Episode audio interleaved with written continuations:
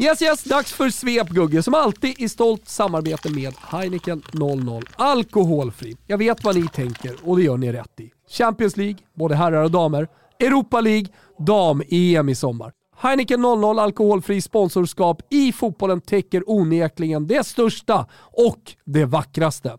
Men kanske framförallt, det Heineken 00 är, ja det är ju en jäkligt god alkoholfri bärs. Och är det något budskap som man vill skicka i vårtiden så är det ju sannerligen det. Det är bara att knäppa upp en rackare, va? luta sig tillbaka. Cheers to all fans! Kimpa, visslan. Helgen så många av oss väntat på var så äntligen här. Allsvensk premiär, kulan i luften, vårluft i lungorna och efter sju jävligt svåra år nytt hopp om livet.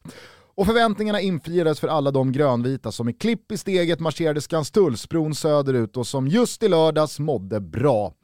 För efter ett av de värsta tifon jag sett på svensk mark där jag fnulat på hur den där jävla kanoten rörde sig framåt över megaflaggan så kastade sig Bayern över Helsingborg. När ettan kom efter dryga kvarten så trodde jag att tvåan skulle komma så småningom eftersom bollen var i och runt HIFs straffområde mest hela tiden.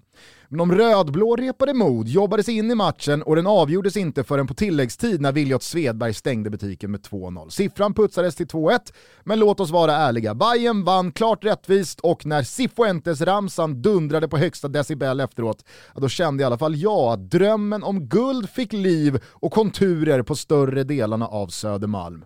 Och bättre skulle den bli, bayern lördagen Först åkte Diffen ur SHL och sen så brakade Gnaget ihop på hissingen när Häcken från ingenstans vann den fysiska matchen och tryckte in fyra bollar bakom den kanske mest solida defensiv och uppskrivna backlinje vi har i allsvenskan. Nej, det var nog många, såväl gulsvarta som svartgula, som fick omvärdera sin känsla inför den här säsongen när slutsignalen ljöd på Bravida. 4-2 till Häcken mot AIK där krisen kanske redan är ett faktum. Men oj, oj, oj, oj, oj. Vi är redan långa i svepet och vi har bara avhandlat två fighter.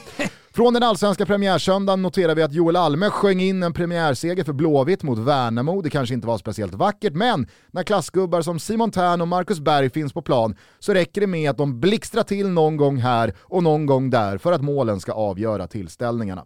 Varberg chockade Peking och lämnade parken, nej, östgöt, nej, Platinum Cars Arena med tre pinnar efter 0-1. Sirius vände underläge mot Giffarna till hemmaseger 2-1. Krille Kouakou öppnade målkontot direkt och Oskar Linnér stod för en magstark insats i den mixade zonen efter nykomlingarnas premiärförlust. Mm. Vi avslutar på Guldfågeln där Henke Rydströms Kalmar fick 1-0 tveksamt bortdömt för offside och istället så kunde Malmö, tunga Malmö, dra åt skruvarna och muttrarna i andra halvlek och till slut trycka in avgörandet via Isak Kiese Thelin. Med det sagt så konstaterar vi också att Superettan puttrat igång i total mediaskugga, att Akropolis skämde ut sig själva på nya nivåer och att den allsvenska premiären fortsätter ikväll måndag då Elfsborg, Mjällby och Diffen Degen avslutar den första omgången. Nu är den i luften, kulan! Och på tal om kulan, Dejan Kulusevski fortsätter att briljera i ett spör som öser in mål för dagen. Det blev fem nya igår när Newcastle manglades och drömmen om Champions League lever i allra högsta grad för de liljevita. Liverpool och City tog båda två planenliga segrar mot varsitt bottengäng, Everton förlorade igen och Manchester United övertygade inte på något sätt när ett ganska skadedrabbat Leicester lämnade Old Trafford med en poäng. Brentford stod för säsongens bästa halvlek när underläge 1-0 vändes till seger 4-1 på Stamford Bridge mot självaste Chelsea. Retroaktiv utdelning och revansch från höstens sura hemmamöte. Från eh, Spanien noterar vi att serieledande Real Madrid bara skulle få vinna borta mot Celta Vigo. Tre straffar tilldömdes marängerna och det blev till slut en för mycket för att de ljusblå skulle kunna stå emot. Och nu är det 12 pinnar ner till övriga lag eftersom Barcelona igår slog Sevilla och passerade dem i tabellen upp på andra plats. Siffrorna skrevs till 1-0 på Camp Nou.